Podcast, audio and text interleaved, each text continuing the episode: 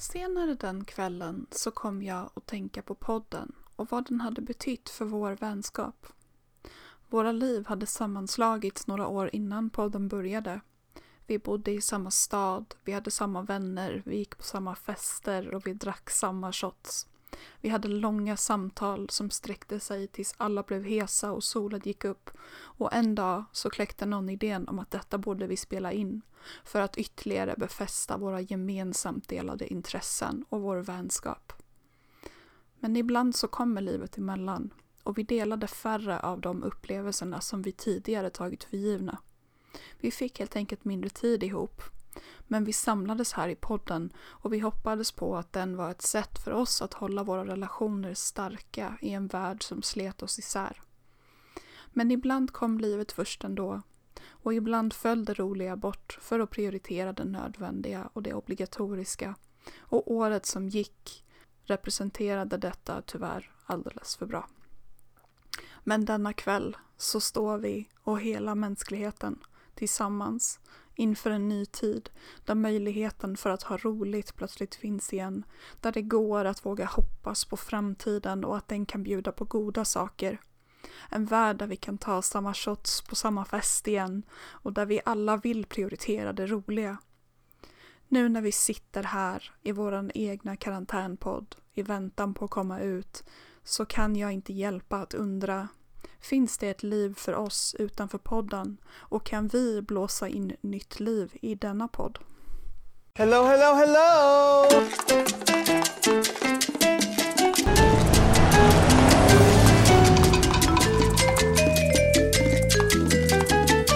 Folk, race.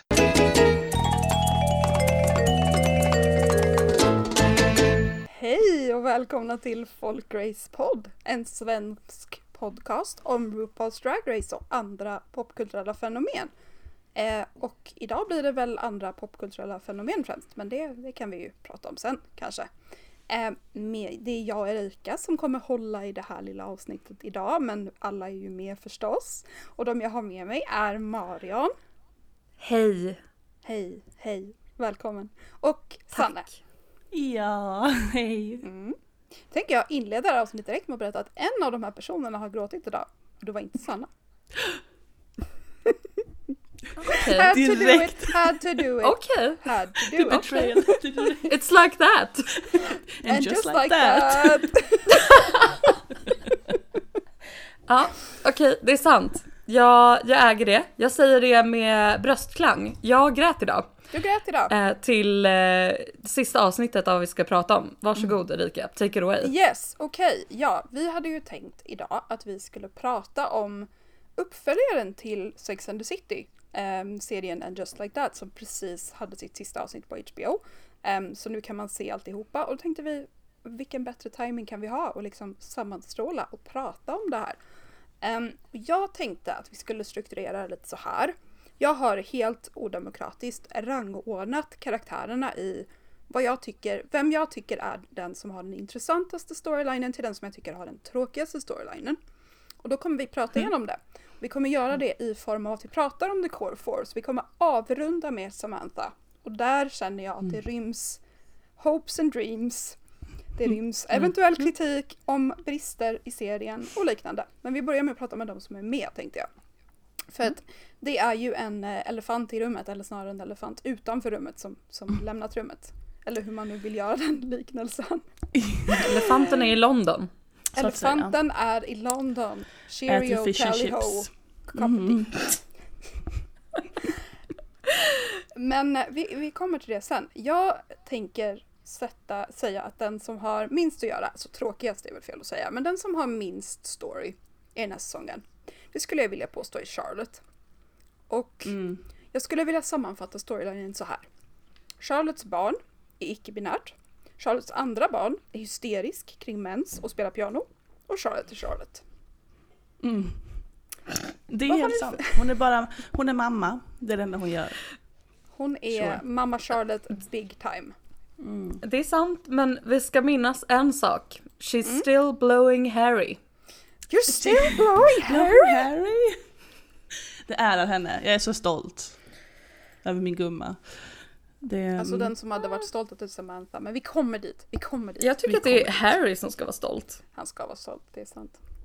Alltså, jag tror att jag... Eh, ja men det vill jag fråga er. Är det, är det värre att säga till sitt barn Älskling, du, du råkade komma in här när jag och pappa liksom var kärleksfulla med varandra eftersom att vi älskar varandra och vi är ett par. Eller är det värre att säga "Men din pappa har cancer? Kanske, jag ska kolla. Vad traumatiserar mer? Ge mig era hot takes. Honestly, jag tror att det mest traumatiserande är nog att bli upptäcka sin mamma på knä framför sin käre far med penis i hand och sen få som konsekvens av det här få en dörr i ansiktet. Ja just Ja. det, det också. Där ligger nog traumat. Jag är nog beredd att hålla med faktiskt. Hade det varit en helt annan sexual act så kanske det inte varit så farligt, men det här är starkt alltså. Det är väldigt starkt. Jag hade nog tagit cancer framför det här. Men sen är ju Sanna också the Charlotte av oss Det är tre. sant. Det är Eh, sant. Så jag förstår att hon också går till att det är logiskt att bara säga att jag kollar efter lite cancer. Jag tror inte jag hade sagt C-ordet dock. C-ordet här Nej. är cancer och inte kak. Så. Men jag hade nog sagt, ja men det var en bula där. Sen hade det väl inte varit mer än så. Tror jag. Hon hade inte behövt säga ordet känner jag. Men det... Alltså, cancerordet är ju terrifying. Oh. Känner jag och säga till sitt barn och bara Särskilt i den åldern. Ja. Eller, eller ska, vi, ska vi prata om den riktiga elefanten i rummet? Vilket jag inte tycker är Samantha utan är att de är så gamla. Ja men herregud. Ska vi prata? Alltså, vi måste väl få prata om det här, att de är så gamla, eller? Men alltså grejen är, de är ju gamla. Alltså vi, vi accepterar att de är i 50-årsåldern allihopa. Det, det är ju alla med Mm. på. Men Mm. alltså de, det känns ju som att de skrivs som att de är 75. 70. Mm, ja, gud. Ja, men jag- är inte det bara USA? Jo, men alltså det de är väl har ju det. en det. 80-årig, över 80-årig president. Jag trodde inte de var så här ageist. Um, När det kommer till Jo. kvinnor tror jag, jo absolut. Ja det är väl sant kanske. Men jag menar, jag kan ju inte påstå att de här, an, de här männen behandlas som så ungdomliga heller för den delen. Okej, ja. Nej, du har, du har helt rätt. Steve pratar som en eh, gammal knarrig person man ser på en burk jordnötter. Absolut. Ja, Det är inte Steve bara var- hörseln, det är också så här, jag är trött. jag är gammal. Oh, Miranda. Let's just sit here on the couch, Miranda. Let's sit on the couch and eat ice cream. Man bara, alltså vi ser ju att du fortfarande har ett sexpack basically. Så jag, nej. Ja, han är så fit, jag fattar liksom inte Han är grejen. superfit!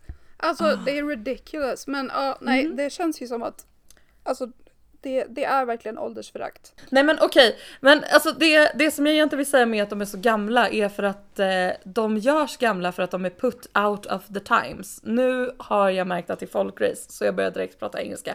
Men det jag menar är att särskilt Charlotte känns som att hon är så efter. Det är ju galet med tanke på att hon har en 13-årig dotter liksom. Det är så här, du har en ung Alltså, dotter, då håller du dig lite ung.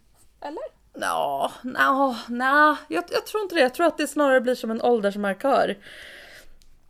Eh, Jag tror att det, för att Charlotte har ju, hon har ju två barn. Det ena som du säger det är ju Lily, hon är duktig, hon spelar piano och eh, är rädd för tamponger.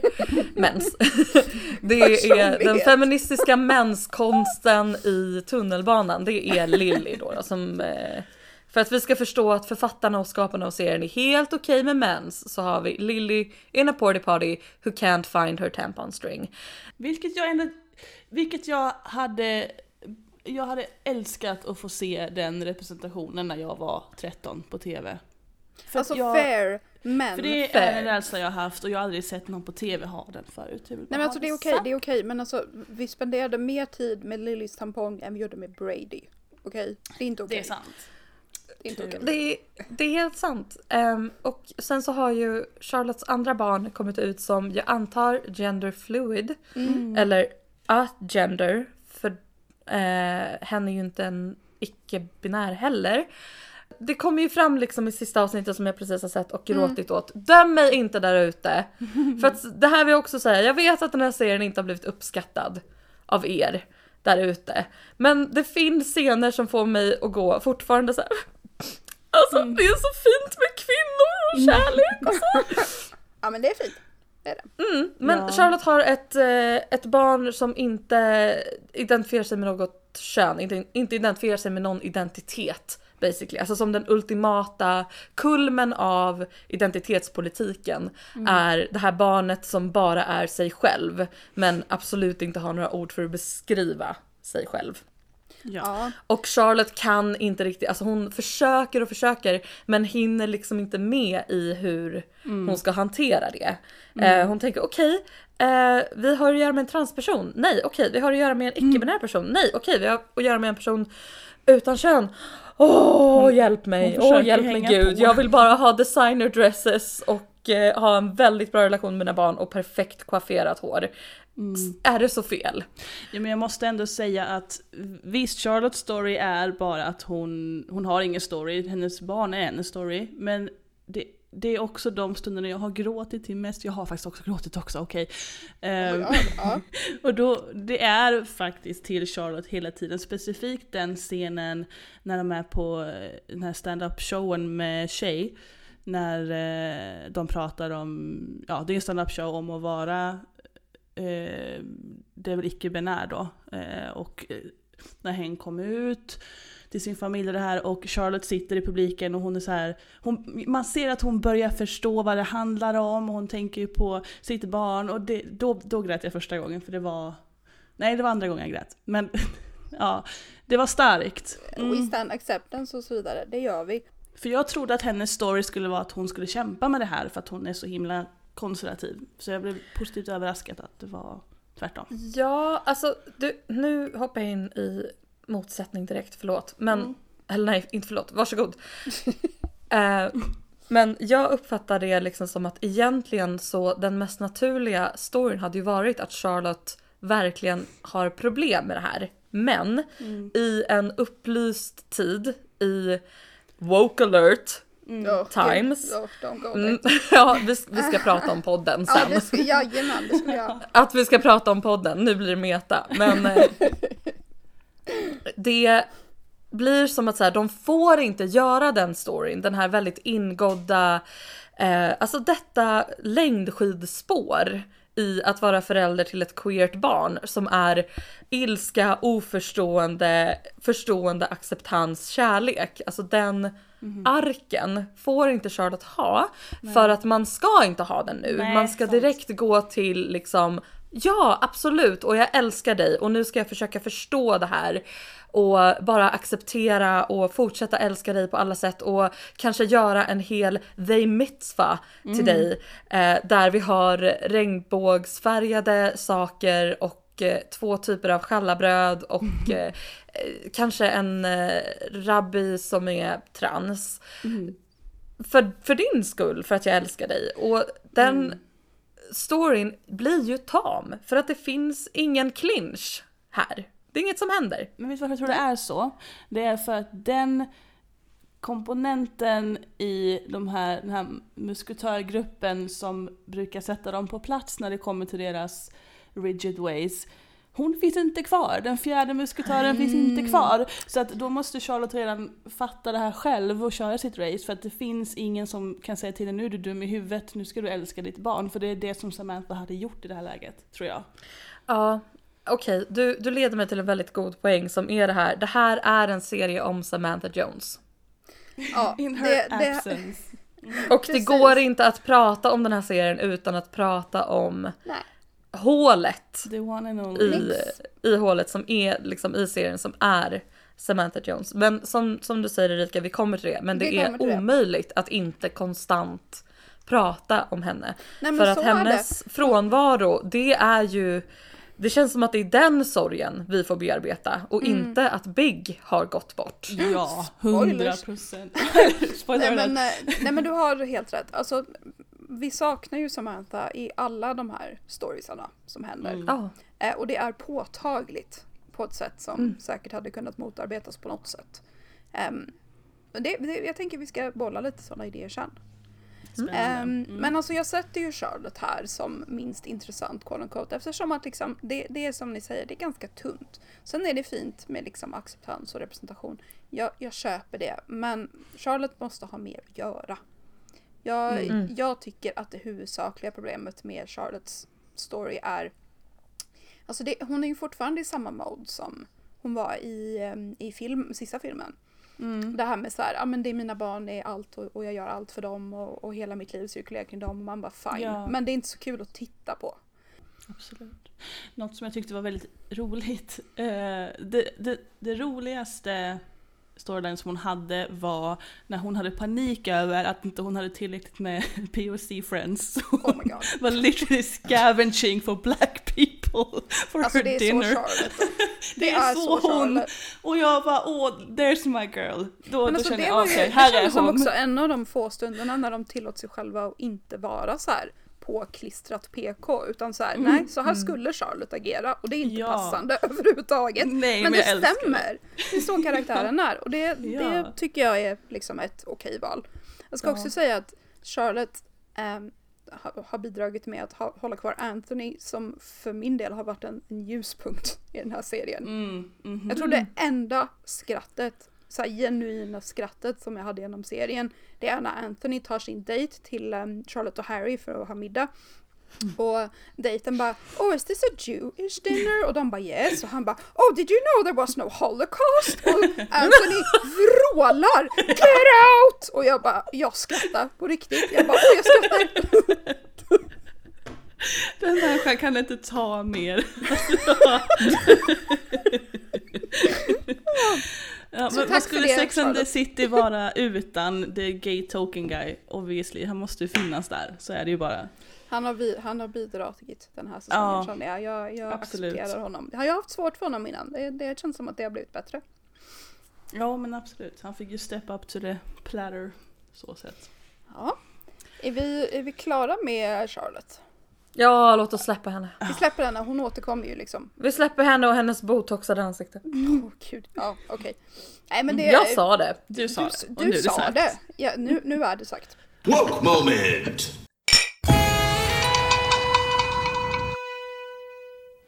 Eh, den som har näst minst, näst mest, näst minst att göra. Mhm. Det skulle jag vilja påstå är Carrie. Håller med. Medhåll. Här har vi eh, sammanfattning. Big dör. Carrie är sad. Carrie skriver en bok? Frågetecken. Carrie dejtar en lärare? Frågetecken igen. Carrie har en podd. Thoughts? Låter lite som mig. Jag tänkte säga att det låter lite som mig också. Okej. Eh, men alltså det som jag reagerade på med Carrie var att där fick vi faktiskt storylinen som vi ville ha i filmerna. Mm. Big dör och hon måste hantera det. Och nu, alltså den här serien har, det är så mycket fummel i den här serien. Det är så mycket tappade bollar. Det är så tondövt att eh, sätta in en icke-binär karaktär och låta den karaktären säga och här är jag som representerar alla som inte är cis-kvinnor och cis-män. Woke moment. Bom, bom, bom, bom. Pratar vi tjej? Vi pratar, Vi pratar tjej.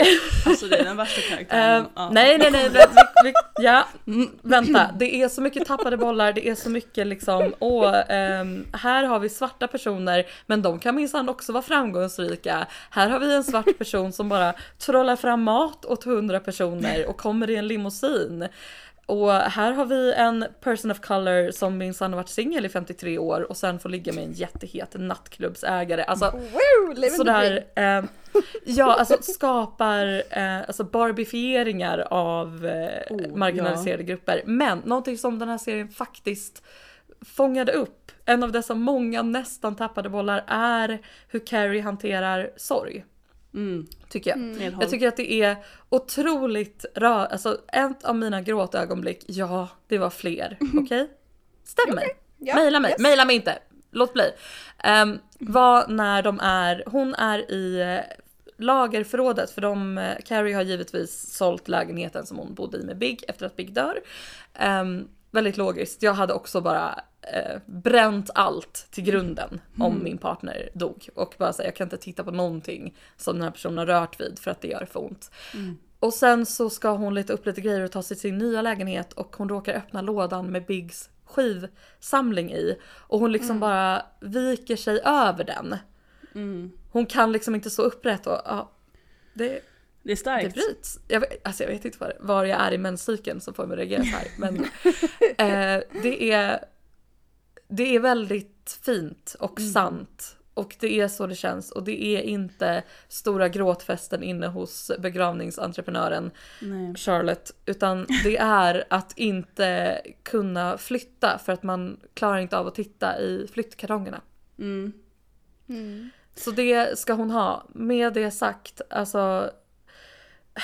Jag förstår att det de försöker göra här, eller jag antar att det de försöker göra här är att göra Carrie till en cool single girl igen. Med baby steps genom att hon får så här, ja men hon får vara ihop med en så här tragisk lärarfigur som är lite fesljummen, låt oss vara ärliga. Eh, Och att hon liksom ska jobba sig upp till big love igen. Om hon nu någonsin gör det. Men det händer inte mycket som pågår Nej. För vår Carrie Stumpa. Förutom att hon nu har håret uppsatt, efter att Big dör så har hon håret uppsatt i en väldigt stram enkeknut. Och det är kanske det största som händer henne genom de här avsnitten. Nej, men det är väldigt representativt från hora madonna-komplexet. Helt plötsligt så är hon inte en fuckable kvinna längre för att nu är hon Ja. i sorgemode liksom. Och det är en grand Det- old dame. Yes. Det är väldigt tydligt så. Ehm, jag tycker att hennes, eh, hennes story, hennes character development, carry development, nej jag skojar, eh, är väldigt jag gillar det här i början när hon inte gråter överhuvudtaget. Jag, jag, den, det behövs liksom att se det. Och det är väldigt Carrie. Och vi får inte glömma att det här är också den första riktiga katastrofen i Carries liv. Hon har ju alltid haft små katastrofer men det här är faktiskt riktigt någonting som är jobbigt eh, och jag gillar hur hon dealar med det, Sarah Jessica Parker, hennes, som skådis liksom, att hon, hur hon porträtterar Carries sorg. Tycker det är, det är bra. Ja, alltså Det det vill jag flika in allmänt att jag jag är ju inte besviken på skådespelarinsatserna någonstans. Jag, jag är besviken på materialet de fick jobba med. Jag, jag tycker alla gör liksom det de kan med det de har fått. Ehm, Ja, jag- absolut. Någonting som jag uppskattar också med eh, Carrie som de plockar upp ifrån serien det är ju hennes instant stalking av Natasha. Alltså det är, det är så himla Carrie. ja. Alltså hur många Ja. avsnitt har vi inte sett när hon så här helt jävla galet börjar staka någon tills hon får ett svar och så här uppför sig bananas och man sitter och skriker på tv och bara Carrie sluta, sluta. Liksom. Och hon bara slutar inte och hon uppför sig superopassande och det är väldigt Carrie. Ehm, Hon är ju ett stort barn egentligen. Jag tror vi har Ja. pratat om det förut också i tidigare poddar. Ah, ja, she blocked me on Instagram. Alltså, nej men eh, någonting som jag vill ta upp mer också för att jag, jag tycker att eh, alltså ett av de huvudsakliga problemen med det här programmet eh, det är att alltså för att man, man känner ju ändå så här att det finns många element där som stämmer. Alltså det, det är liksom de här små vinjetterna, karaktärerna ute i världen, de är liksom ute på något visst tema, inte riktigt lika tydligt som i originalserien, men ändå så här, de har någon sorts sammanhållen liksom grej. Det, det, det som fattas mest för mig i den här serien, förutom Samantha då, men vi kommer dit, det är Carries voiceovers. För att Ja. när vi hade Carries voiceovers så fungerade de som liksom de här punk- de, hon narratade och hon skapade de här punkterna genom att säga ja men här händer det och här händer det och här händer det och så här hänger det ihop och jag sammanfattar det här genom det jag säger. Och varför jag tror serien känns så märklig i vissa per, liksom partier det är för att vi får inte det. Vi får liksom Mm, inte nej. den här Oh and um, Miranda was across town and was just about to have an unpleasant conversation with her university teacher eller vad det nu är liksom. Alltså Mm. vi behöver det för att förstå Ja. vad det är vi tittar på. Vi behöver det för att förstå vad är det. För Ja. det, det har ju alltid varit Det perspektiv. skapar tonen också. Det skapar tonen, Ehm, det skapar temat, det skapar Ja, liksom den här Sex verkligen. and the. City-viben. Gud, jag har inte ens... Nej, jag har inte ens tänkt på det. Jag får verkligen känslan av att Carrie inte vågar använda sin röst för att de som skriver den här serien vågar inte sätta henne i, eh, alltså front and center längre. För att då är det att tysta andra röster. Alltså förstår ni vad jag menar? Absolut, det, här, det här är en attack på woke culture. Ja det är det. Ring mig inte. Men också, hon har ju inte kvar sin kolumn längre, den handlade ju om hennes liv med hennes väninnor så då blir det som ett naturligt narrativ. Nu har hon ju podcasten men de har inte tagit in samma... Nej, Hon- hon men, men det, alltså, hade man inte kunnat framea det runt hennes bok då? Alltså Jo. hon sitter ju och skriver en bok om sin sorg. Mm. Jag menar vad är det som säger att hon inte skulle kunna så här, ja men det, det handlar om boken liksom. Mm. Varje bok, alltså hon, hon pratar om sina vänner, hon pratar om hur hon hanterar sorg, hon hanterar sorgen med sina vänner och hon berättar om hur livet går vidare liksom. Alltså det, Mm. det funkar. Bara in med voiceovern igen, det var ett misstag. Ja, Jättestort jag håller misstag med. och scrappa Eller bara såhär journaling, hon är ju liksom, hon är en writer, det är väl klart Hon hon, är har en dagbok liksom. Alltså, Låtsas att det är hennes inte. dagbok hon läser upp. Men varför har hon inte en blogg? Alltså jag förstår inte. Eller varför Mm. är inte hennes Instagram liksom? Ja, de säger att de Det. har en Instagram. De bara åh du är aktiv på Instagram. Jag, Mm. jag har sett dig på Instagram. Man bara fast okej men, men gör det till en grej då. Gör Instagram Mm. snaps istället och sen så lite voiceover. Jag menar var Mm. lite sådär om ni vill. I don't care. Men jag vill ha det. För det, Mm. det är det som gör att det känns så tomt i många perioder. Det, det har jag Ja. kommit fram till genom att, att titta på det här och verkligen fundera på. Men vad är det som fattas liksom? Bra Samantha, spaning. Mm. obviously. Det, det, obviously ja. Nej men det satte verkligen så här, det var, jag hade inte tänkt på det men nu var det så här, ja ah, det var exakt det jag fatt, som fattades mig. Jag tror att det är det helt som klart. gör att det känns off mest av allt. Mm. Ärligt talat. Förutom Samantha. Jag kommer säga det om och om igen. Men alltså. Det är som att om vi, om vi står i en spegel och säger det tillräckligt många gånger så kommer de dyka upp bakom snälla. axeln på oss. Blodiga. Sam, blodiga Sam kom fram. Ehm, men alltså okej, nu, nu är det dags att prata om podden. I am Che Diaz, your host and queer, non binary, Mexican Irish diva representing everyone else outside these two boring genders. Hade ni någonsin lyssnat på den här podden? Nej. Nej. Nej, och eh, jag ska berätta varför. Det är för att Ja. den påminner om amerikansk radio. Ja, och för mig Ja. är det, för det- det, det här, för den här podden finns inte. Alltså det, Nej, det, Exakt. det är liksom inte... Det här är någon som aldrig har hört en podds Ja. idé av en Ja, podd. det här är Gen X eh, och jag har många punkter om Gen X i mina notes. Att det här är liksom, för det är deras generation. Det här finns inte bland våra Jag tror mammor. att 100% och jag tror att manusförfattarna talade sanning när de talade genom Miranda och lät henne säga I draw the line at podcasts. Mm. För att jag tror inte att de har lyssnat på en endaste podd.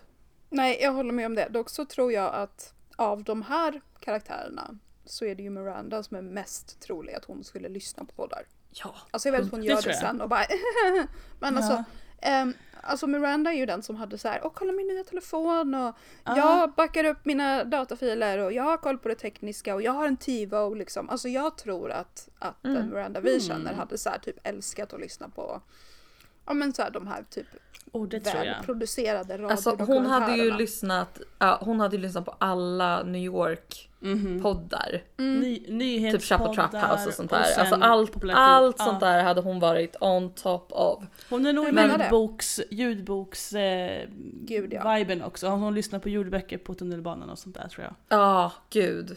Hon är, hela hon är sponsrad av Audible. Liksom. Ja men verkligen. Hon är, hon är Audible ut i fingertopparna och Audible gör poddar också och de hade hon definitivt lyssnat på. Ja. Eh, så jag, jag, Mm. Nej, men- jag köper inte riktigt den. Men Carrie Jag köper podd, inte hela är- formatet. Alltså formatet med illa, du vet, woke moment, trigger warning. Nej men det är det jag menar, det är cringe för det finns inte. Alltså, Nej, alltså det är så, så här morgonradioprogram. Ja. Let's take a call. det är Alltså, Tilde de Paula, inget hopp till de Paula, älskar Tilde de Paula. Men det är Paula. det är Riksmorgonzoo. Ja. Ja, men Ja, gud, till och alltså, med. kan du inte tänka dig att lyssna på inspelade avsnitt av Riksmorgon? Jag det Nej. händer inte. Nej, jag skulle Nej. aldrig. Nej, för guds skull. Det är knappt så jag lyssnar på P3s morgonstudio, snälla. Nej, det är, det är för, alltså inte i efterhand. Aldrig i livet. I Nej. draw the line. Om jag skulle Ja. stumble upon of course, but not in the evening. Men alltså, you jag, know. jag fattar inte heller riktigt dynamiken. För vi har ju tjej som är så här, komiker, uppkäftig, har liksom ett ganska unikt perspektiv. Sen har vi den här lite mer low key, typ så här stoner vibes komikern som så här, ja men jag I don't care och jag är konstig. Och sen sätter man Carrie där. Vad gör Carrie i det sammanhanget? Det är, det är som i så här, um, fem myror och elefanterna. Vad är det som inte passar in? Vad är det som inte passar in? Och så är det men Carrie. det känns verkligen som en alltså, eh, SVT-rekrytering. Alltså 100% de bara såhär, vem var först med den här typen av eh, sex och samlevnad sex. content? Det var Carrie Bradshaw. Jo, men det var Carrie Bradshaw och nu kommer hon här Revive 50 år senare som någon slags eh, ribbing-karaktär istället. Men det som, alltså det fanns, det fanns en, ett segment där podden lät real och det var när Carrie var obekväm. När de frågade henne om hon någonsin har onanerat i en public space och hon säger I would like to buy a vowel. I don't know what that means, I'm sorry. I'm so unco-" Alltså den, Ja. det sättet att hantera att någonting blir för nära. Det var det enda som kändes real. Ja, Men alltså den Carrie vi känner hade ju vänt ur den här podcaststudion efter tio minuter och bara nej, not for me. Det, det vill Ja. jag genuint tro. Jag, jag antingen, vet inte vad hon det, gör där. antingen det eller bara turn it out. Alltså hon hade antingen gått eller gjort det till hennes podd. Tror jag. Men vi kan inte köra över den icke-binära karaktären, det går inte. Inte än, för fortfarande så vet inte vi att det är den värsta karaktären som någonsin har gjorts någonsin. Men alltså Carrie, Alltså Carrie- hon hade ju bara suttit och liksom höjt på ögonbrynen och typ inte velat svara och tittat ner i golvet och så här gungat lite fram och tillbaka och True. Ja. mm, nej, Oh. inte, alltså jag har Oh. väldigt, Åh, gud. alltså Oh, Carrie true. är ju inte den som Alltså det, det här är ju fundamentalt problematiskt med att hon skulle ha en podd eller svara på frågor i en podd. Det är att Carrie genom hela Sex and the City och filmerna och allting, så vitt vi känner Carrie, har alltid letat efter de här svaren hos andra människor. Det är ju hon som ställer frågan, det är hon som söker svaren. Mm. Så hon är inte den sant. som bara, ja jag kan svara, jag har koll. Nej, Det- ja. Samantha skulle kunna sitta i den här podden. Hon hade funkat. Samantha i Ja. den podden hade funkat. Jag vill bara säga det. ja. Det så jag det Så sagt. jävla sant. Ja. Alltså det hade kunnat funka om de hade gjort det till en grej där hon sitter och intervjuar sina vänner. Ja, absolut. För Ja, då är det samma för det är det som i serien. Relationer. Där hade vi fångat upp hela Sex and the City konceptet. Absolut. Men det finns någonting så otroligt um, andefattigt i att tänka okej hon kan inte ha en krönika längre. Vi får se till att hon hamnar i en podd. Det är väl modernt. Det är väl vad the kids har. Eller ska vi bara ge henne the snapchats? liksom. Ja, ni förstår vad jag menar. Ja. Nej men jag, jo, jag håller med. Men det känns som att de borde kunnat workshoppa det där lite grann. Ehm, för det, ja. det är ju ett sätt att få in den värsta karaktären genom världshistorien. Alltså ty- okej, så Nej, tycker nej men jag tycker, inte, jag tycker inte hon är den värsta karaktären i världshistorien. Jag Men- tycker Nej, men hon är... hen. Hen är... Jag älskar Sarah Ramirez, alltså amazing fucking actor och hon turned it out in this role men Shay Hen. gillar inte henne. Sarah Ramirez är själv eh, icke-binär. Åh förlåt, visste inte om. Woke moment! Jag, jag håller med. Ja. Alltså, ehm, Sarah är liksom otrolig. Um, alltså, jag förstår charmen med Shay. Jag, jag tycker också att Shay, alltså inte stand-upen, för gudskelov, vi pratar om den sen. Men alltså, allt förutom stand-upen, det är så här, absolut, det här är en klockren karaktär. Jag tycker att, att karaktären är intressant, jag tycker att liksom, det, alltså det, det, alltså det, det poppar ju av, av skärmen liksom. Jo, av de absolut. nya karaktärerna så är ju Shay min favorit. Jag är ju bara inte så förtjust i vad som händer med, med stand-upen del 1 Nej. och Miranda del 2. Så här, jag tycker inte att det är en dålig karaktär, för det funkar i storyn och det är intressant att se vad som händer med Mirandas story med Shay. Men karaktären sj- själv tycker jag inte är likable. Jag hade inte vibat med Shay överhuvudtaget. Men Men det är för alltså- att du inte gillar fuckboys. Men det är väl det. Sen så tycker jag henne är väldigt sexig och så. Det är inte det. Och jag tycker att, vi kommer till det också. Mm, Sexigare med, med Miranda. Alltså, mm. Alltså vi kan ju börja gå in Ja, på Miranda för att alltså, vi, vi, ja. vi har lämnat... Får, får, jag, får, jag, Ja. får jag säga en sak om Shay? Mm. Innan, innan vi går vidare till Miranda. Och Ja. det är det här. Jag tycker att Shay är det absolut mest naturliga följden av den här ängsliga stämningen som har skett i the writers room. Vilket är en kaxig, sexig, fuckboy-aura, icke-binär Irish mexican. Som är här för att putta omkull alla era stereotyper. Crush the patriarchy, burn it to the ground and salt the earth. Ja, Ehm, exakt vad men vi behöver. Mhm. med, med det sagt så tycker jag att vi börjar tangera alltså det här att fetischisera den andra. Jag tycker att det påminner ganska mycket om så här man kan bara uppskatta en queer person i ett rum om den är fuckable, alltså att det ska vara bara rent. Det enda tjej avger är ju bara rent knull. Ja, 100 procent. jo. Ehm, också för Miranda som har blivit jätte, jättekär. Och ingen, vi kommer säga Mm. någonting om det om en halv minut men det jag vill säga är det sitter inte helt rätt med mig att vi bara kan släppa in den här typen av personer i en serie om det finns en otroligt hög fuckability i det. Jag håller med och det blir som att det, det blir den nya eh, den nya kvinnliga karaktären, den, den nya starka kvinnliga karaktären som var men den förut. nya- Förstår du? Alltså, nej men kolla, så här, Tom, Den nya vi Tom- kan objektifiera typ. Exakt, så att som innan att kvin- starka kvinnor funkade bara i populärkultur om de var sexiga. Nu funkar bara icke- Croft. Exakt, nu funkar bara icke-binära personer om de är sexiga. Men Mhm. ah, I don't know, vi kommer framåt. I guess. Alltså min största besvikelse med Tjej, förutom standupen, är ju då att, att vi inte får leva ut det här fuckboy-storyn som jag tror att vi alla misstänkte att vi var på väg mot. Att ja men Miranda kastar omkull sitt liv och Tjej bara ja men alltså jag gillar ju dig men jag Tror inte du att det kommer i säsong den. två då? Jag hoppas så innerligt detta. För att det är det enda två? som kan liksom justifiera den här storyn för mig. Att, att, Mm. att liksom, okej om vi tar in den här karaktären som är banbrytande på många sätt, är det inte mer banbrytande då att våga säga, vet du vad, man kan vara en dick ändå. Man kan vara otrevlig, man kan vara dryg, man kan vara Mm. en jävla fuckboy. Och vet du vad, den här karaktären har fortfarande rätt att existera i det här spacet. Mm. Mm. Ja, bra sagt. Ja, jag, alltså jag, tror, jag tror ju att det är ditåt det barkar. Alltså vi har den här klass... Det som kanske stör mig lite med det här är att vi har en otroligt klassisk berättelse. Alltså det här är tale as old as time. Det vill säga det kommer någon sexig och får en äldre kvinna att inse att hon egentligen inte är lycklig med sin man som har hörapparater och vill sitta i soffan. Utan att hon egentligen vill leva och ha big love och upptäcka what else is out there och bara ha ett äventyr. Så då skälper hon hela sitt liv för den här andra nya sexiga spännande. Och sen inser hon att det bara var ett luftslott som sen sprängs i luften. Exakt. Men den blir progressiv för att det blir en historia om queerhet. Och jag vet inte, Mm. jag vet inte om jag köper att det är progressivt bara för att det är queert. Så. Nej, det Mm, håller jag med om. Bra Ska jag läsa vad jag har på Miranda? Please. Ja. Okej. Eh, Miranda har ju då mest att göra eh, i serien, skulle man väl kunna påstå. Hon har otroligt Ja. många storylines. Eh, Ja. De är följande. Miranda är alkis, Miranda är olycklig, Miranda vill plugga och göra mer med sitt liv. Miranda blir kär i en komiker. Miranda slutar vara alkis. Miranda är i relation med en fuckboy. Miranda lämnar Steve och Miranda är i en fucking romcom.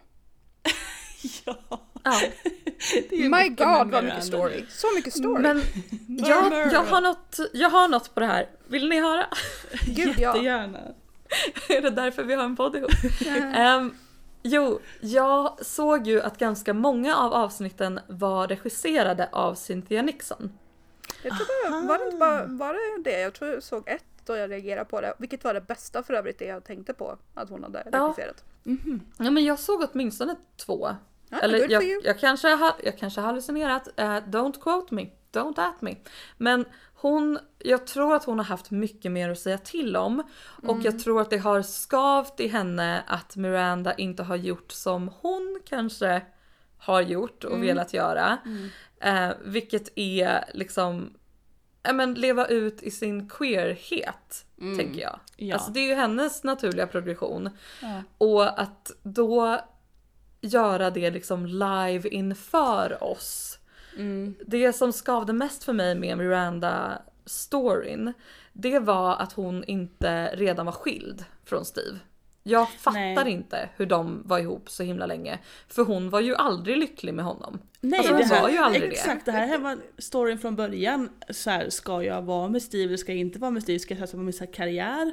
Och när hon blir gravid var det också så här, är det här ens någonting jag vill göra liksom? Så att, mm. Då är han plötsligt bara där och bygger en spjälsäng och hon börjar ju Alltså, gråta för att hon känner sig så trängd av att han är där och bygger en spjälsäng. Liksom. Steve. Alltså, De jag- var aldrig meant to be. Jag Nej, men- förstår inte hur de kan ha varit Nej. ihop så här länge. Men alltså okej, Nej. vänta.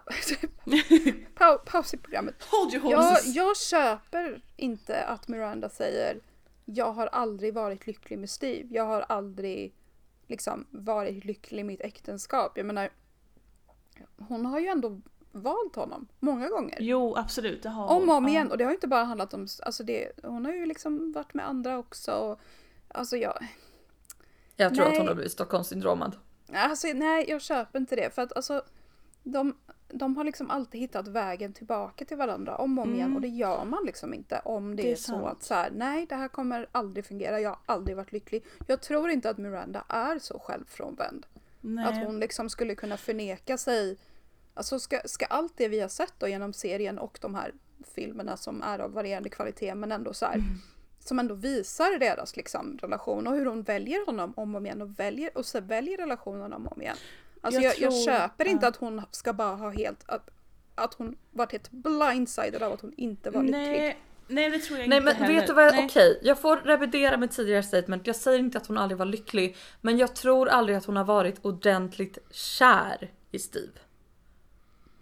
Jag tror inte hon har varit ordentligt kär i någon om jag skulle vara Nej exakt. Jag tror Jag att med. eh, scenen mellan Steve och Carrie när de håller på och målar där i den här välgörenhetsgrejen när Steve förklarar att han kommer aldrig ta av sig eh, hans eh, äktenskap, alltså ringen. Mm. Jag grät Det, också. alltså, det, åh, alltså jag älskar honom så mycket men det är också därför som jag tror att ändå att de är meant to be på ett sätt för att det är den personen som den sortens person som skulle kunna älska Miranda så mycket också, hon behöver det men jag tycker också att det, ja på något sätt så, jag blir irriterad för att hon bara kastar honom åt sidan. Det provocerar mig. Det skaver. Men det är också en verklig grej. Mm. Jag tycker inte det är märkligt alls. Alltså, för mig skaver inte det här. Jag, tycker, jag har alltid tyckt att Steve är jätteirriterande. Han är lismande, han är undergiven, han liksom lägger sig under Mirandas fot och bara så trampar på mig Miranda, gör det fast med en läspning. Och med Den talfel. dynamiken hon alltid har visat upp att hon Ja. vill ha då. Alltså Jag hon är, ju, hon är ju the top liksom. Ja, jag har varit hela tiden och jag tror inte att, eh, jag vet inte. Vi hade nog inte sett Steve på det här sättet. Så den bilden vi har av Steve nu hade vi inte haft om han hade varit med typ Carrie. Det hade varit en helt annan dynamik. Så jag vet inte. Jag, jag tycker bara inte Miranda förtjänar Steve. han är så bra. Ja, gud vad jag inte tycker att han är bra. Ja, men det här är, nu är det skilda åsikter här på Ja. Det är det vi gillar. Det vill vi ha! Det vill vi ha! Alltså, han... Man kan absolut vilja vara the top. Jag förstår, jag förstår ju inte det, men jag förstår det rent intellektuellt. Men det är någonting så fundamentalt tråkigt med en människa som nöjer sig. Som inte en person som är nöjd, för det är det sexigaste som finns. Att vara så här, det här känns bra, det här är jag nöjd med, det här är... Utan folk som nöjer sig. För grejen är att Steve alltid har haft ett, en USP och det är att han älskar Miranda tillräckligt för dem båda två. Mm, ja, Och hon har alltid varit den som gör eftergifter och concessions för att man trampar inte på någon som ligger. Man är inte taskig mot någon som älskar en så mycket. Mm. Men jag tror inte att hon någonsin har varit kär i Steve. Jag tror att hon har varit kär i hur kär han har varit i henne. Jag kan hålla med om det. Och efter ett tag så räcker inte det längre. Nej. Och jag fattar det. Och särskilt om man aldrig har haft big love Mm. och plötsligt blir alltså otroligt kär. Otroligt jävla slå mig i huvudet kär. Men alltså ja, och samtidigt så nu kan jag vara otroligt kvinnohatisk men hennes affär med tjej känns som en så här otroligt vanlig trop som är medelålders kvinna. Eh, är trött på sitt liv och så kommer det in en fuckboy karaktär och det är jättespännande. Det är in jättetråkig en, tanke eh, men ja. får jag kasta in en factoid där? För jag såg den här Ja. eh, dokumentären eh, på HBO. Som Mm. de släppte efter si- sista avsnittet och där de pratar igenom produktionen lite grann. Det är väldigt mycket Sarah Jessica Parker som så här riflar genom kläder vilket jag rekommenderar. Men en sak som de nämner där det är att poäng, alltså det grundläggande storyn som de hade för Mirandas eh, queer turn det var att hon skulle bli kär i Naya. Oh, Och I hur can see mycket, that. Där, där känner jag, den, den hade jag köpt. Mm. Jag hade köpt Jag, det. jag hade köpt den Ja, helhjärtat. vänta. Det handlar inte Ja. om Mirandas queerness för mig, det handlar om tjej. Mm. Jag tror att hon kommer rebounda med Naya. Jag tror det. Jag tror att jag ser ett rebound happening Ja, i säsong Oh, två. Eh. Miranda åker ut till LA och har samma upplevelse som Carrie hade i Paris fast i LA istället. ja. Kommer tillbaka och jag är så här. Vill fortfarande inte bli tillsammans med Steve, vilket Nej. Steve ändå typ har gått och hoppats. Tänker jag. Såklart, såklart. Han går runt och bara this ain't never coming off. Man, bara, Alltså hans röst, alltså nu, nej. Men hörni. Alltså, han är, Real, real, real talk. Han är, han har hörselapparater på riktigt. Han Jag har kan- problem ja, med okej. dövhet, det är därför han låter konstig. Så vi ska inte vara alltför taskiga. Nej jag menar mot, eh, accenten, jag menar accenten. Ja Alltså, okej, ja, men det är okej, är- det får den ni är grov. The accent, I'm walking here. Det är väldigt New York. Det är Long Island, New York. Miranda, what do you want? Miranda. Ehm, Miranda. Nej men jag kan verkligen se henne och... Eh, De kommer nej. tillbaka, Naya har typ så här För- gått igenom en round IVF en gång till, det har inte för det, tagit. man såg redan nu hur hennes eh, relation med sin man börjar fallera lite för han vill fortfarande Mm. ha barn, hon vill inte. Hon och Miranda hade en ganska bra connection. Ja, I can see it happen. Sure. Alltså jag, jag älskar den storyn för att Mm. den känns så mycket mer kopplad till allt som händer i Mirandas story. Alltså det är så här, Mm. jag vill förändra världen, jag har fått ett uppvaknande att så här, det jag gjorde Mm. i karriären inte var så moraliskt försvarbart. Jag har börjat tänka på liksom min politiska, alltså vad min ställning är och vilket ansvar jag Mm. bär i det samhället vi bor i. Och, alltså jag älskar allt Ja. det. Och sen då att hon liksom, hon börjar på den här skolan, hon vill utbilda sig, hon vill bli bättre och hon faller för den som liksom hon går hand i hand med och, och gör Mm. de här fina sakerna. Det är ju underbart. Ja, verkligen. Och så kommer en jävla fuckboy istället. Jag är Nej så men alltså kan vi, nej alltså jag klarar inte av Nej men jag tror, när jag tror att mm. hon och Naya är endgame alltså. Jag Jag, hoppas det, för att Jag när, tror när det. Miranda sitter där och säger jag vill pass up my, eh, vad heter det, praktikertjänst, jag ska hör internship. internship som är jättesvårt att få som jag har hjälpt Super henne med. important internship. Exakt, och bara f- fucka upp sin masters degree, hon ska ändå göra den men ändå flytta till. Det, oh, det är inte Miranda, hon skulle inte Nej. gjort så. Och jag, det är därför jag säger att hon har en medelålderskris och det är fine och det är väl bra att de representerar det också men det är inte Miranda och jag vill bara att hon ska Jo men come det är också around. det som Miranda, det är ju det som Miranda berättar för oss genom hela serien. Jo. Can't I change? Jo, nej Can't I Miranda, pivot? don't change! Am I not allowed to change and then change back if I want to? Och jag bara Nej. alltså girl, gör vad du vill. Men detta är en fuckboy. Yeah. Det är en Fuckboy fuckboy. By the way är en gender neutral term. Men det är väl det också Ja. som är som ens egna vänner, man är så här, om, om, om någon av er skulle träffa en fuckboy så skulle jag varit så här, ja visst gör vad du vill men jag ser att det här inte kommer gå någonstans så jag kommer inte vara supportive. Är du, har du kul? Absolut. Men ja, ring mig sen när du är ledsen och personen har dumpat dig, sure. Alltså jag, Jag, jag undrar verkligen vilka, alltså jag tror inte att jag har några vänner som skulle vara sådär öppna med mig. Om jag hade börjat träffa en fuckboy. Jag tror att det hade varit så här: jaha! Jag tror inte jag hade varit så förvånad om jag skulle vara helt Och du, och där, det, ja, och ja, och han kommer då på fredag med, med dig. Då för ni är ihop nu ja. alltså det Och vad är ju, kul att du är så kär. Det här är också ett major issue med serien och det är ju att Miranda, alltså eh, de, de vill ju inte fälla sina hjältar. Alltså det, det är någonting som Sant. de ändå lät dem göra genom serien. Alltså i, i originalserien om allt det här hade hänt då hade ju Miranda blivit liksom kommit till Cleveland, eller vad fan det var, det var Cleveland va?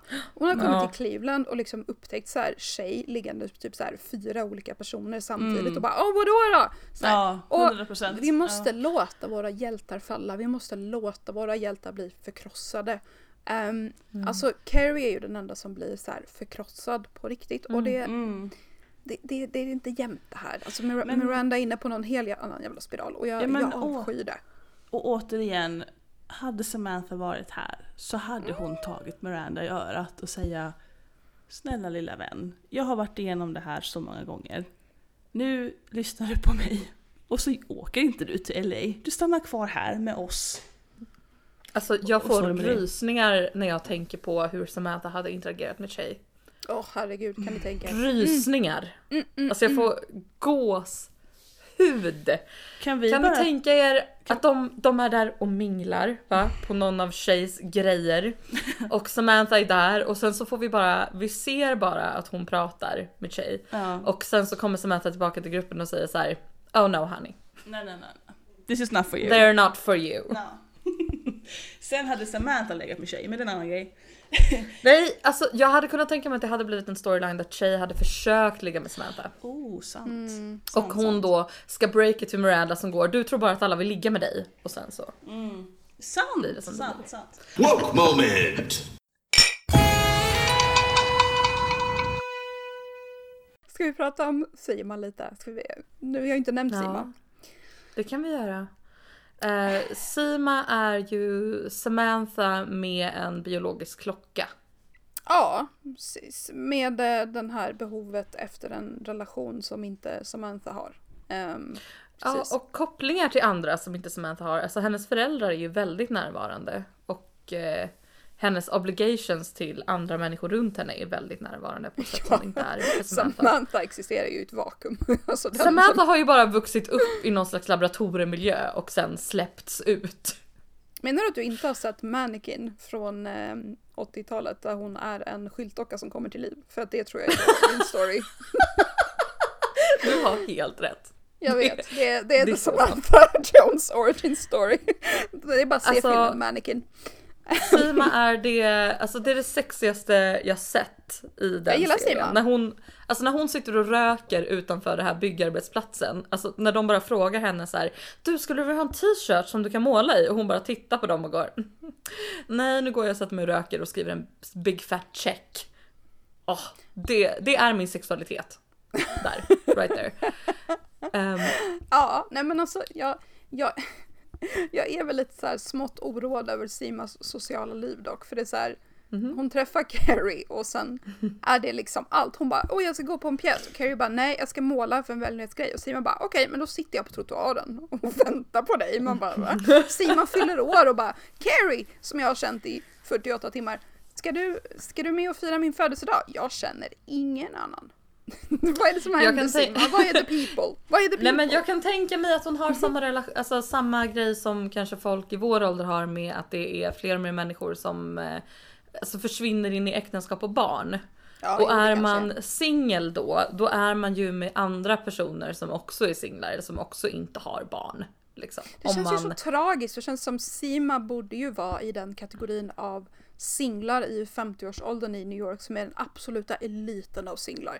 Som bara Mm. älskar att hänga och resa och dricka dyra Ja, drinkar och liksom egentligen- umgås. Verkligen! Egentligen är det enda som inte går ihop för mig med Sima är varför hon vill vara i en relation. Jag är tillbaka, inte. hej igen. Hej hej, varför längtar Eh. Sima efter en relation Sanne? För att det är hennes, en, det är hennes akilleshäl, tror jag. För hon är så eh, perfect. Hon har sin karriär, hon är snygg, hon är rik, hon har ett reputation. Hon är säkert lycklig i sitt liv med allt vad det innebär men hon har ju någonting som fattas och det är ju en partner.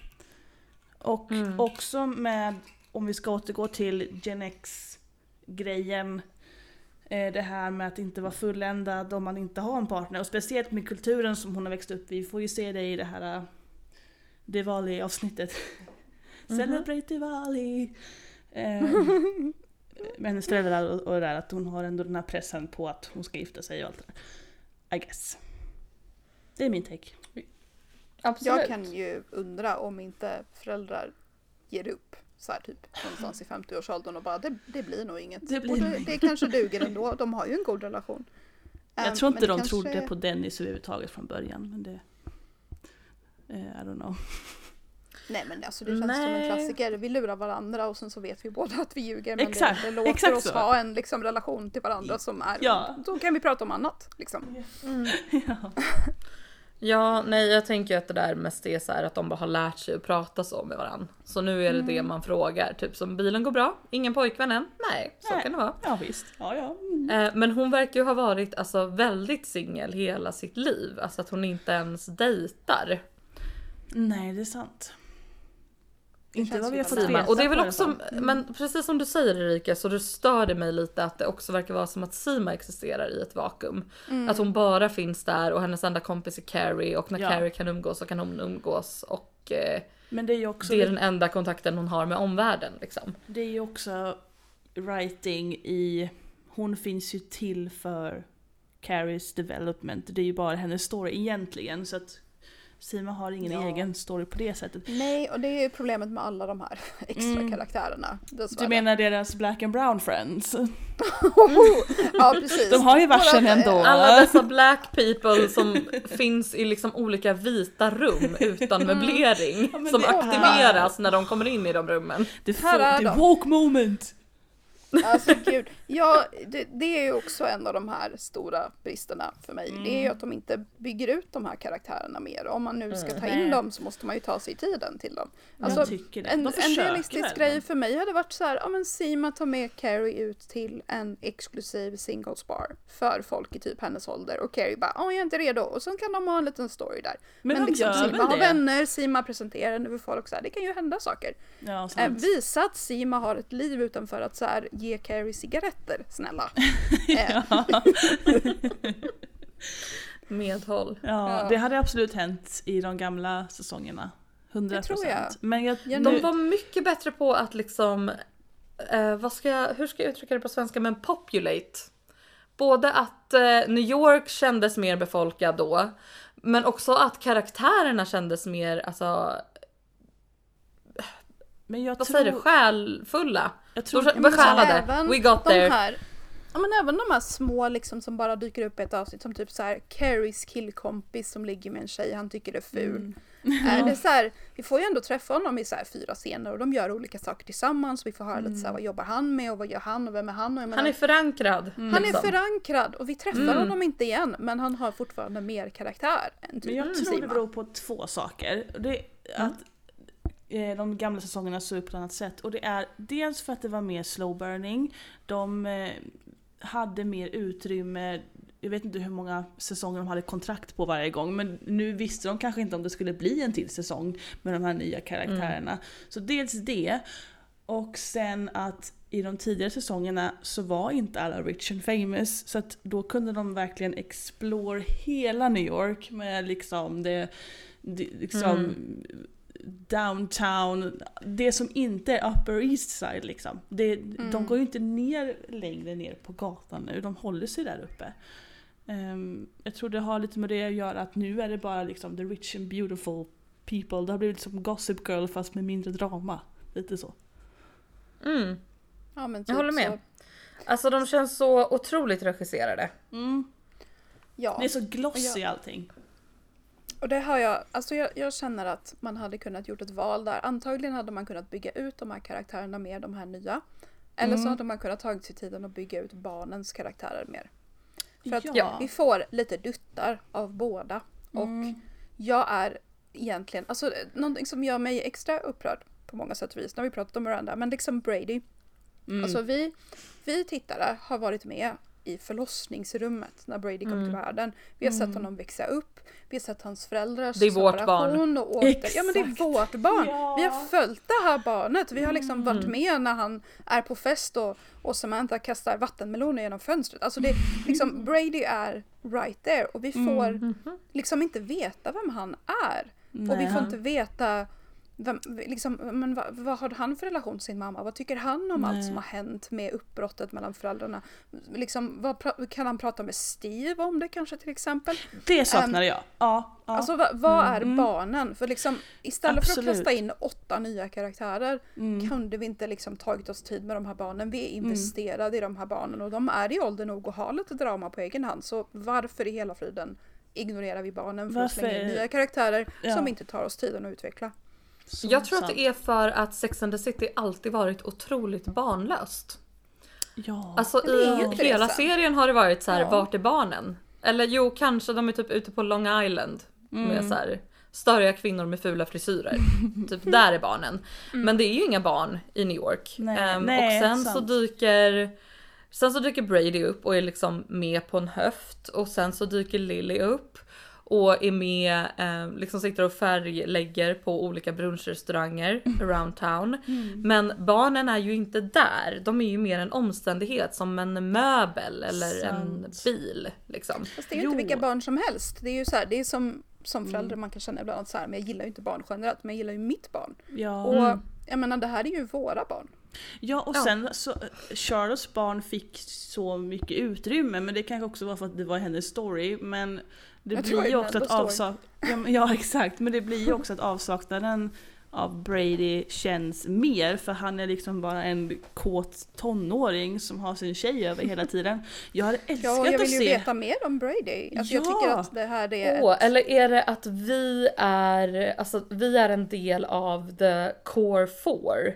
Så att vi vet precis lika mycket om de här tonåringarna som deras mammor gör. Det tänkte jag också på, att det är väl Är det ändå, det? det kan vara lite så här breaking the fourth wall experience lite, det här är ändå en tonåring, vi ska inte veta så mycket om honom, han, Han kör är på sin sitt grej. rum. Vi, Miranda vet inte, då vet inte vi heller. Så att jag fattar Mm. Alltså, den jag, jag, storywritingen, jag, absolut. jag ber inte om mycket. Jag önskar bara att liksom hade kanske alltså Mirandas skilsmässa och allt det som händer. Alltså det, det är ju verkligen noll och inget Nej. som liksom kommer av det som Det är liksom inte. matigt i dramatiskt perspektiv. Nej. Alltså vi får så här Steve som bara, "Ja, jag är ledsen.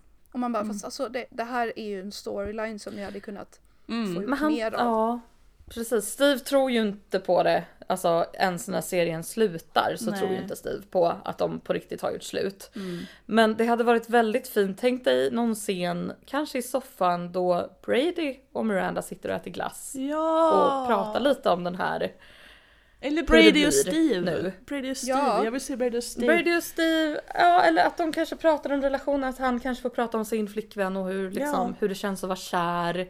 Ja, och hur det, oh, det hur bra. det känns. Ja. Och Miranda kan säga att så här, jag har aldrig riktigt känt det med din pappa. Om det är hennes story, Ja. Mm. vilket hon väljer att det är.